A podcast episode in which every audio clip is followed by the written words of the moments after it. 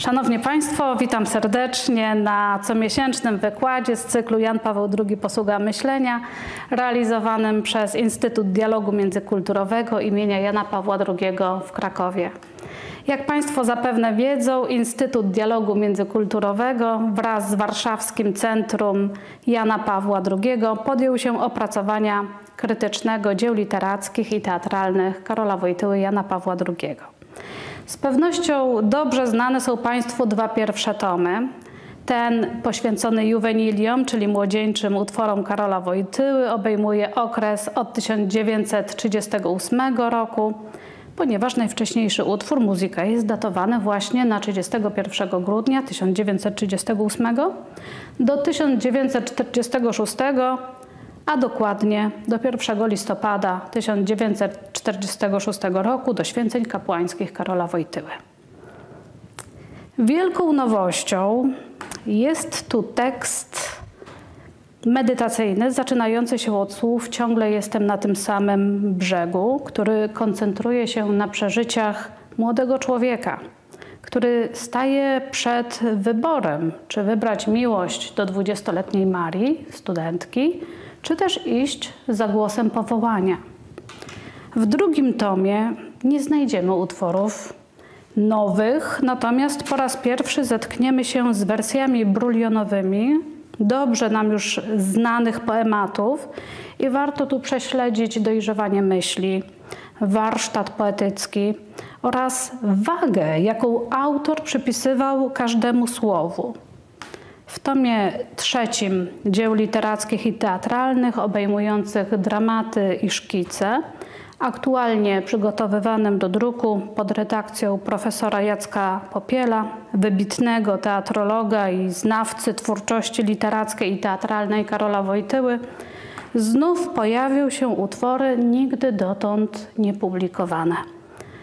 Z racji przynależności do Komitetu naukowego do spraw krytycznego wydania dzieł literackich Karola Wojtyły został mi przydzielony do opracowania do tomu trzeciego innymi obraz sceniczny pod tytułem Chrystus Król na podstawie Apokalipsy świętego Jana. I właśnie e, na tym utworze proponowałabym dzisiaj się skoncentrować. Znamiennym jest, że pierwszy utwór sceniczny, napisany ręką 17-letniego Karola Wojtyły, trafia do rąk czytelnika jako ostatni z tych zachowanych. Utwór zupełnie zapomniany, który czekał na swój moment 84 lata. Przechowywany jest w archiwum Kurii Metropolitalnej w Krakowie wśród dzieł literackich Karola Wojtyły Rękopis nigdy dotąd nie był brany pod uwagę, a moim zdaniem na tę uwagę w pełni zasługuje. Zachowany tekst, autograf Karola Wojtyły z 1937 roku to arkusz papieru mocno pożółkłego formatu A3 złożonego do A4, dającego w sumie cztery zapisane strony o wymiarach 31 na 21 cm nieco wyższy od dzisiejszego formatu. Zapis jest sporządzony czarnym atramentem z naniesionymi odręcznie poprawkami, z nielicznymi skreśleniami. Strony są bez numeracji autorskiej. Na stronach drugiej i trzeciej widoczne są dopiski między wersami naniesione ołówkiem, a dotyczą one wskazówek scenicznych dla roli Jana. W środku arkusza zachował się włożony luzem fragment kartki o wymiarach 17 na 21 cm, zapisany jednostronnie tym samym pismem. Zawiera on tekst roli świętego Jana Ewangelisty oraz słowa bezpośrednio je poprzedzające, tak aby aktor wiedział, kiedy ma wchodzić ze swoją rolą. Tekst na małej kartce został przepisany z dużego arkusza już po skreśleniach i po poprawkach. Jak wiadomo, Karol Wojtyła pasjonował się teatrem. Powstało wiele publikacji poświęconych temu zagadnieniu. Od najmłodszych lat oglądał on m.in. Jasełka, brał udział w spotkaniach ze świętym Mikołajem. Jako dziecko w towarzystwie teatralnym imienia króla Władysława Jagieły prowadzonym przez Stefana Kotlarczyka Podziwiał własnego brata, starszego o 14 lat Edmunda, który występował w sztuce o Tadeuszu Kościuszce pod tytułem Sen naczelnika. Jako dziecko sam brał udział w przedstawieniach plenerowych, następnie przez taniec oswajał się ze sceną, aby w końcu występować jako aktor i to interpretując główne role nie tylko w teatrze szkolnym, ale i w zespole Sodalicji Mariańskiej oraz w amatorskim teatrze powszechnym u Mieczysława Kotlarczyka. Mówi się, że w latach międzywojnia Wadowice żyły teatrem i rzeczywiście na swoje przedstawienia zapraszały rozmaite grupy teatralne związane z zrzeszeniami zawodowymi, organizacjami patriotycznymi, religijnymi, a nawet z klubami sportowymi. Występy sceniczne towarzyszyły świętom religijnym i obchodom państwowym. Zaangażowani byli dorośli, młodzież, dzieci. Scenografię wykonywali lokalni artyści, nierzadko absolwenci Krakowskiej Akademii Sztuk Pięknych. I w takiej atmosferze zamiłowania do teatru wzrastał Karol Wojtyła. W domu Kotlarczyków, gdzie cała rodzina była zaangażowana w pracę teatru, bywał codziennie. Od Mieczysława uczył się mowy scenicznej, kiedy znów trzeba było, to pomagał przy wykonywaniu dekoracji. W szkolnym kole dramatycznym inscenizował przedstawienia, współreżyserował je i wybierał i zapraszał artystów do odpowiednich ról. Krótko mówiąc, w teatrze widział swoje dalsze życie.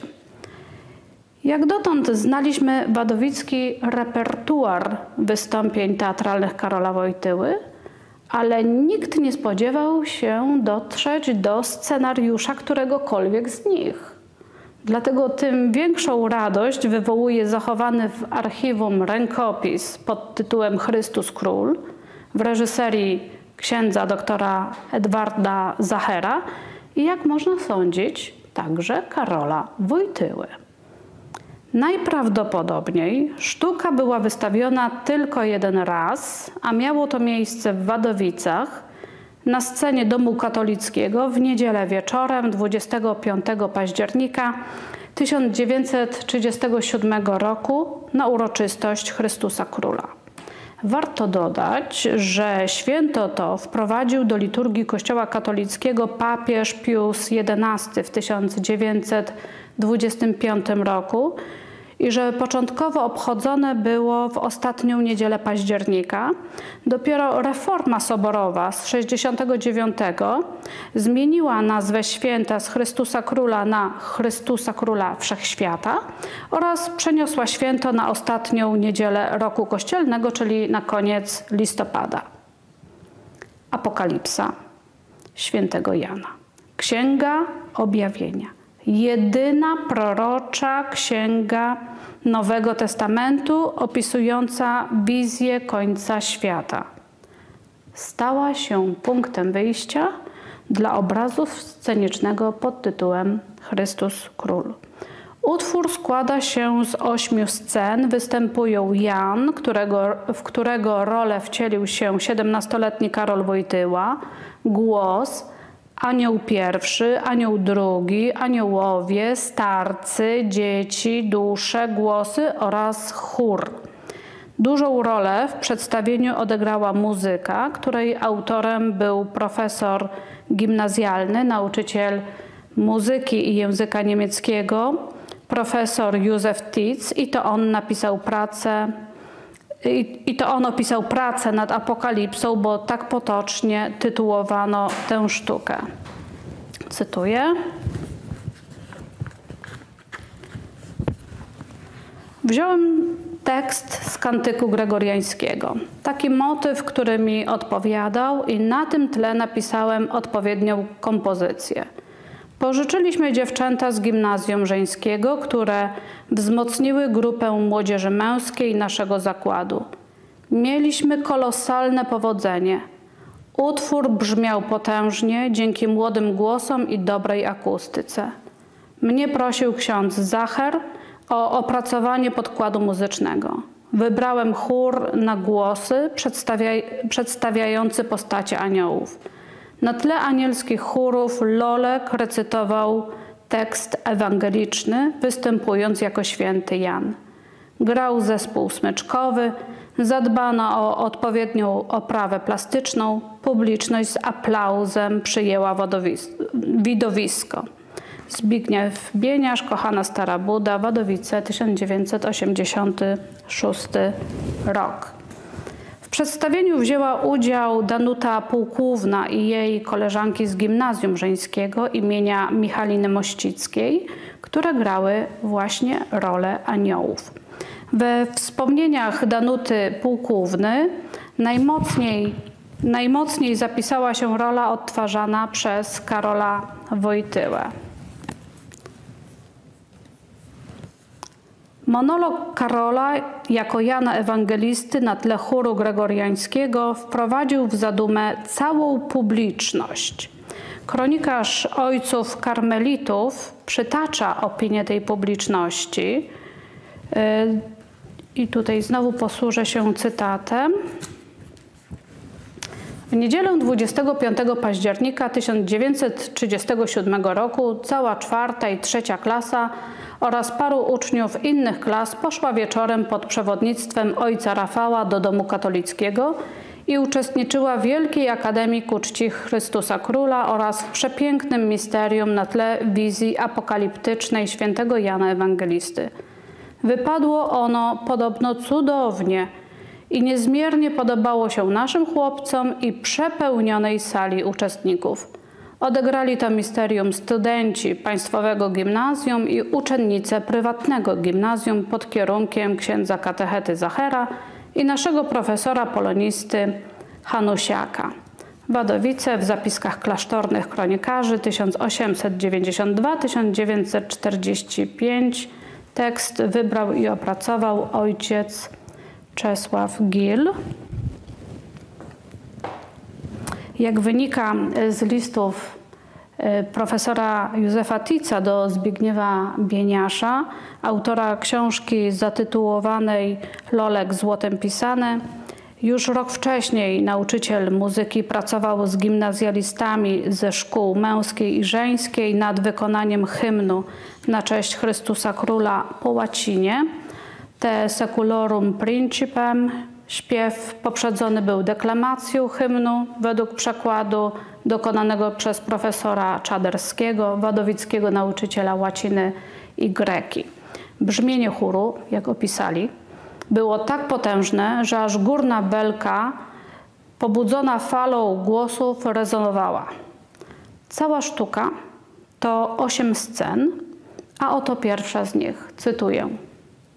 Scena pierwsza przedstawia obraz nadziemski. Tło jasne, obłoki, tęcza, siedem świeczników złotych, a w pośród świeczników i aniołków syn człowieczy, obleczony w długą szatę białą i przepasany u piersi pasem złotym. Głowa jego i włosy białe jak wełna i jako śnieg.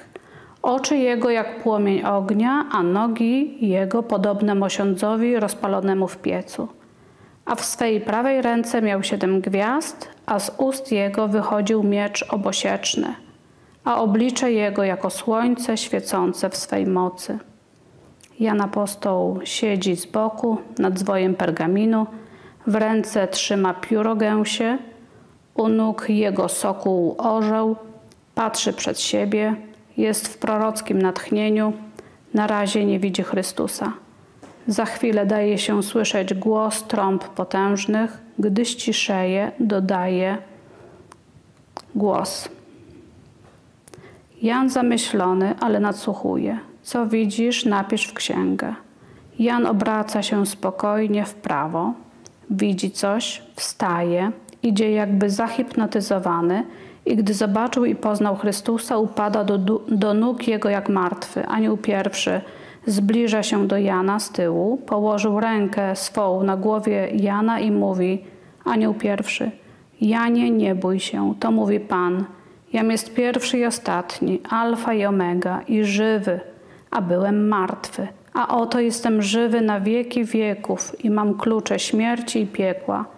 Napisz wtedy, coś widział i co jest i co potem dziać się będzie.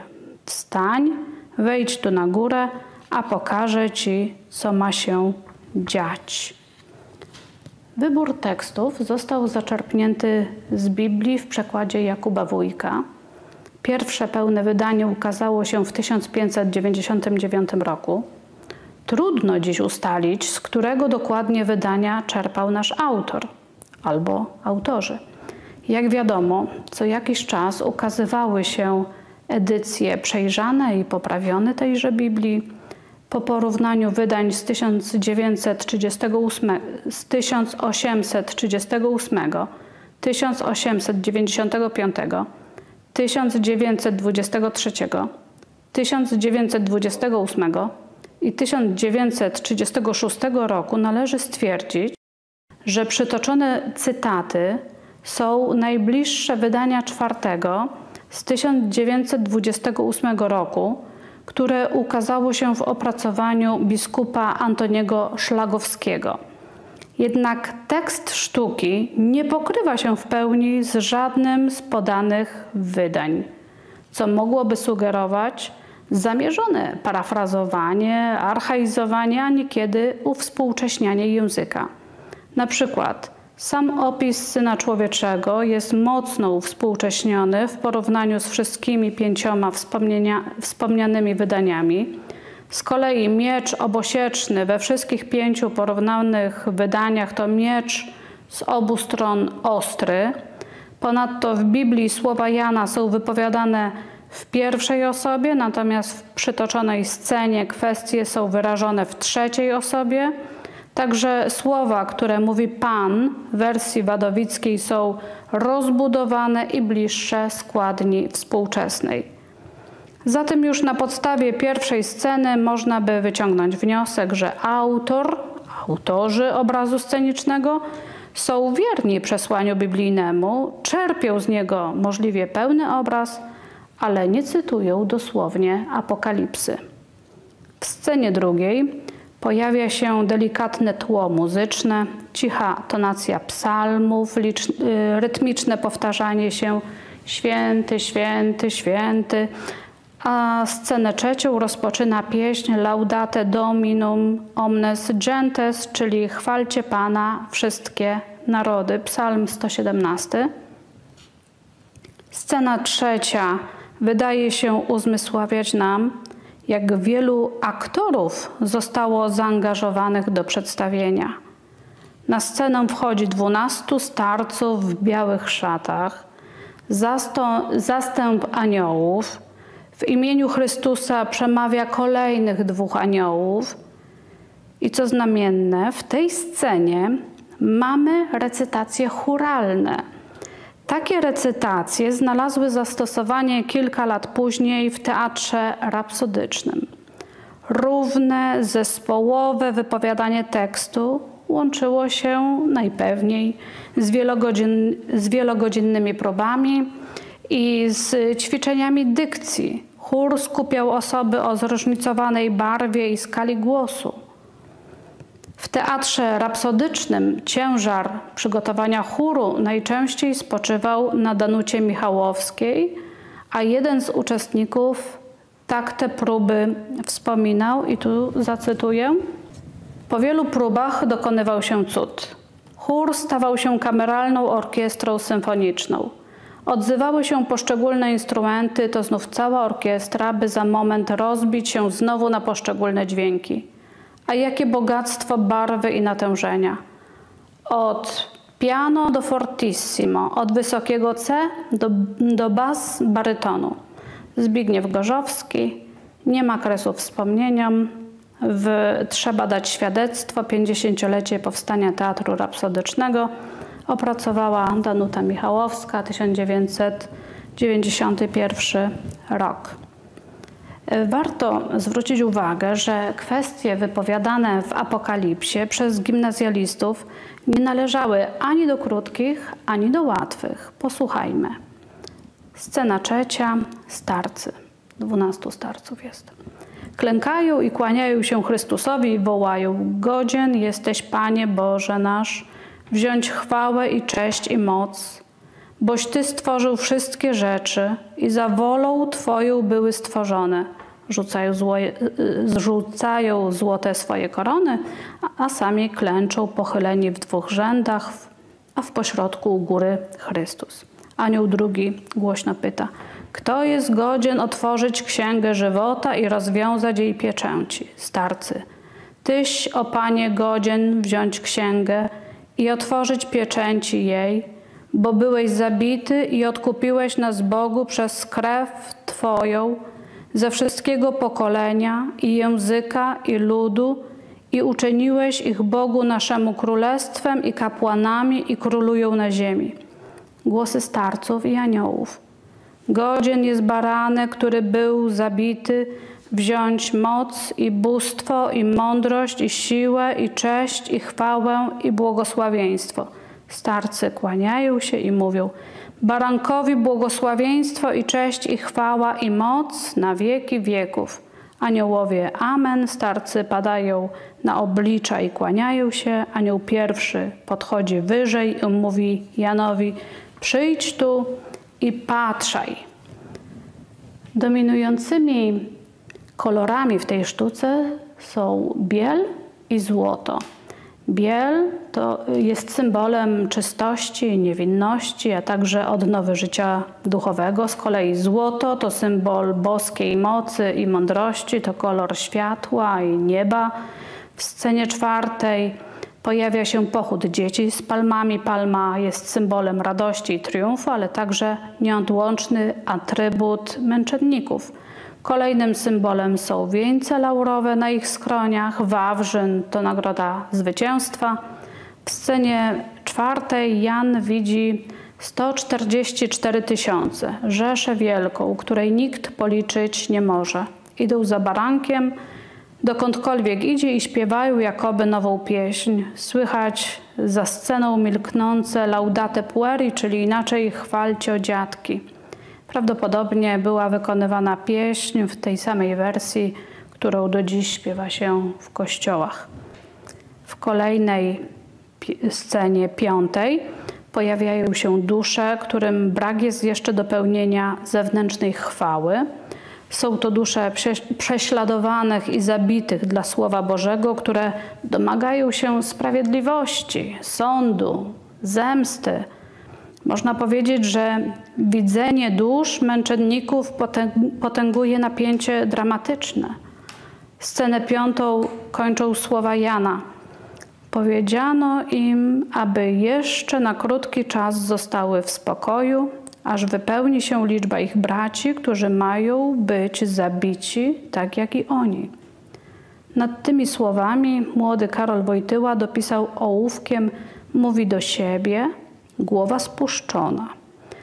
Być może, że ten ruch sceniczny zasugerował aktorowi ksiądz Zacher albo profesor Hanusiak, a może bał się, że trema sprawi, że zapomni, jak powinien te słowa wypowiadać i sam je zapisał na własny użytek, na swoim egzemplarzu, ale to już pozostanie tajemnicą.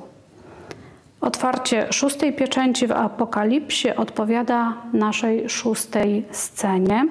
Kiedy Jan dzieli się wrażeniami z widzenia, to zmienia natężenie głosu, towarzyszą mu rozmaite gesty sceniczne i to właśnie ich dotyczą kolejne adnotacje naniesione ołówkiem w interliniach. Na przykład mówi głosem przyciszonym, a oto stało się wielkie trzęsienie ziemi. Albo Patrzy w górę, toczy oczyma, wypowiadając słowa, a gwiazdy z nieba spadały.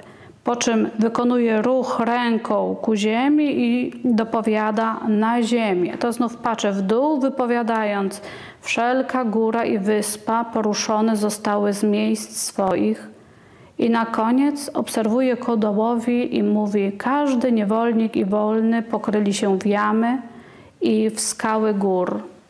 Scenie tej towarzyszą przerażenie i popłoch, a głosy wołają Góry i skały upadnijcie na nas i zakryjcie nas od oblicza siedzącego na stolicy i od gniewu baranka, bo przyszedł wielki dzień gniewu, bo przyszedł wielki dzień gniewu Jego.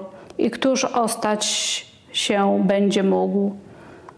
A w didaskaliach pojawiają się efekty specjalne, gromy, błyskawice, czerwone światła. Należy zwrócić uwagę, że jak na tamte czasy sala teatralna domu katolickiego była bardzo nowoczesna, z dobrą akustyką, stosunkowo dużą sceną, z widownią, z miejscami siedzącymi dla 324 osób, z szatnią i garderobą tuż obok i co też istotne, już wyposażona w centralne ogrzewanie. Nic więc dziwnego, że od samego początku swego istnienia, czyli od 1935 roku, Dom katolicki stał się ośrodkiem życia kulturalnego w mieście liczącym prawie 10 tysięcy mieszkańców. A w obrazie scenicznym, po trzęsieniach ziemi, zaćmieniach słońca i księżyca, po klęskach żywiołowych i po przewrocie w materialnym świecie poprzedzającym dzień sądu, nareszcie wraca Chrystus. Wraca, aby sądzić i aby stoczyć ostateczną walkę na niebie. Jan najpierw obserwuje potępienie wszetecznicy, czyli królestw tego świata, czyli cywilizacji śmierci. Widzi królów ziemskich i wojska ich zebrane, aby stoczyć z góry przegraną bitwę. Następnie obserwuje walkę Michała Archanioła ze smokiem, szatanem. Walka na niebie kończy się przegraną szatana, który został strącony na ziemię i nadal zostaje on na polu walki. Jego terytorium stanowi odtąd ziemia i człowiek, a jego bronią są kłamstwa i oskarżenia. W ostatniej ósmej scenie obserwujemy triumf Chrystusa królującego, siedzącego na tronie. Mamy tu skondensowanie terminologii, terminologii religijnej i tej królewskiej. Samo słowo tron pada tu wielokrotnie i w tym samym znaczeniu pojawia się też termin stolica. Tak więc na scenie Wadowickiego Domu Katolickiego nie mogło z pewnością zabraknąć tego atrybutu. Sprawę zorganizowania tronu wziął na siebie młody Karol Wojtyła. Znana jest anegdota, jakoby Karola niosącego fotel na głowie zauważył i posądził o kradzież ówczesny przeor karmelitów bosych ojciec Gabriel Klimowski, który pobiegł za domniemanym złodziejem i zażądał od niego wyjaśnień. W finałowej ósmej scenie Jan widzi odwieczny triumf Chrystusa, królowanie przez tysiące lat, pierwsze zmartwychwstanie, które dokonało się już przez mękę i zmartwychwstanie Chrystusa i zmartwychwstanie drugie to wskrzeszenie ciał zbawionych. A w naszej sztuce odnośnie czasów poprzedzających sąd ostateczny anioł mówi do Jana – nie pieczętuj słów proroctwa tej księgi, albowiem czas bliski jest. Niegodziwy niech jeszcze czyni niegodziwość, a plugawy niech jeszcze plugawieje, a sprawiedliwy niech jeszcze czyni sprawiedliwość, a święty niech jeszcze się uświęca. Ale to mówi Pan, oto przychodzę rychło, abym oddał każdemu według uczynków Jego. Zaiste przychodzę rychło. Całe przedstawienie jest zamknięte w klamrach muzycznych. Otwiera go głos trąb, a zamyka najstarsza według tradycji pieśń chrześcijan Chrystus vincit, Chrystus reniat, Chrystus wodzem, Chrystus królem. Sztuka jest kompozycją zachowaną w całości. Ma początek, rozwinięcie i finał – Jan Ciechowicz zachowany rękopis uznał jednak za fragment egzemplarza przedstawienia. Trudno przyznać mu rację, zważywszy, że występ trwał ponad godzinę. Jeśli weźmiemy pod uwagę obok tekstu wygłoszonego także przerywniki muzyczne wersji instrumentalnej, śpiewy churalne, czy być może także krótkie pauzy związane ze zmianą dekoracji. Na koniec trzeba jeszcze zadać sobie pytanie, dlaczego ten tekst dotąd pomijano? Jak każde dobre dzieło, tak i to ma wielu ojców. Zasługi są głównie przypisywane księdzu Edwardowi Zacherowi, opiekunowi Sodalicji Mariańskiej, Tadeuszowi Hanusiakowi, poloniście i opiekunowi kółka teatralnego, Józefowi Ticowi, autor, autorowi oprawy muzycznej. Tylko jedna, jedyna Danuta Gruszczyńska z domu Półkówna nie miała cienia wątpliwości, że apokalipsę świętego Jana reżyserowali ksiądz dr Edward Zacher i Karol Wojtyła, czyli opracowali koncepcję wystąpienia sztuki teatralnej i czuwali nad jej wykonaniem. Czy razem pracowali także nad wyborem tekstu? A może Wojtyła proponował, a katecheta aprobował? A na czym polegał wkład polonisty? Na te pytania dziś trudno szukać odpowiedzi. Trzeba jednak dostrzec, że praca w gronie tych nietuzinkowych ludzi wywarła duży wpływ na młodzieńcze fascynacje artystyczne Karola Wojtyły, nadała im wyraźny kierunek i skrystalizowała upodobania. Po takiej lekcji teatru Wojtyła będzie często sięgał po repertuar religijny i wykorzysta sprawdzone rozwiązania, także te formalne i techniczne. Karol Wojtyła, przepisując odręcznie tekst, nie podpisał go wszystkimi wymienionymi nazwiskami, tylko zaznaczył, że tekst przystosował do sceny ksiądz dr Edward Zacher. Sztuka w opracowaniu Zachera po prostu nie była interesująca dla badaczy dzieł Wojtyły. Nawet jeśli dziś nie jesteśmy już w stanie dowieść autorstwa, czy choćby współautorstwa Karola Wojtyły, to z całą pewnością możemy powiedzieć, że miał wielki wkład w powstanie tej sztuki i w sukces, jaki ta odniosła.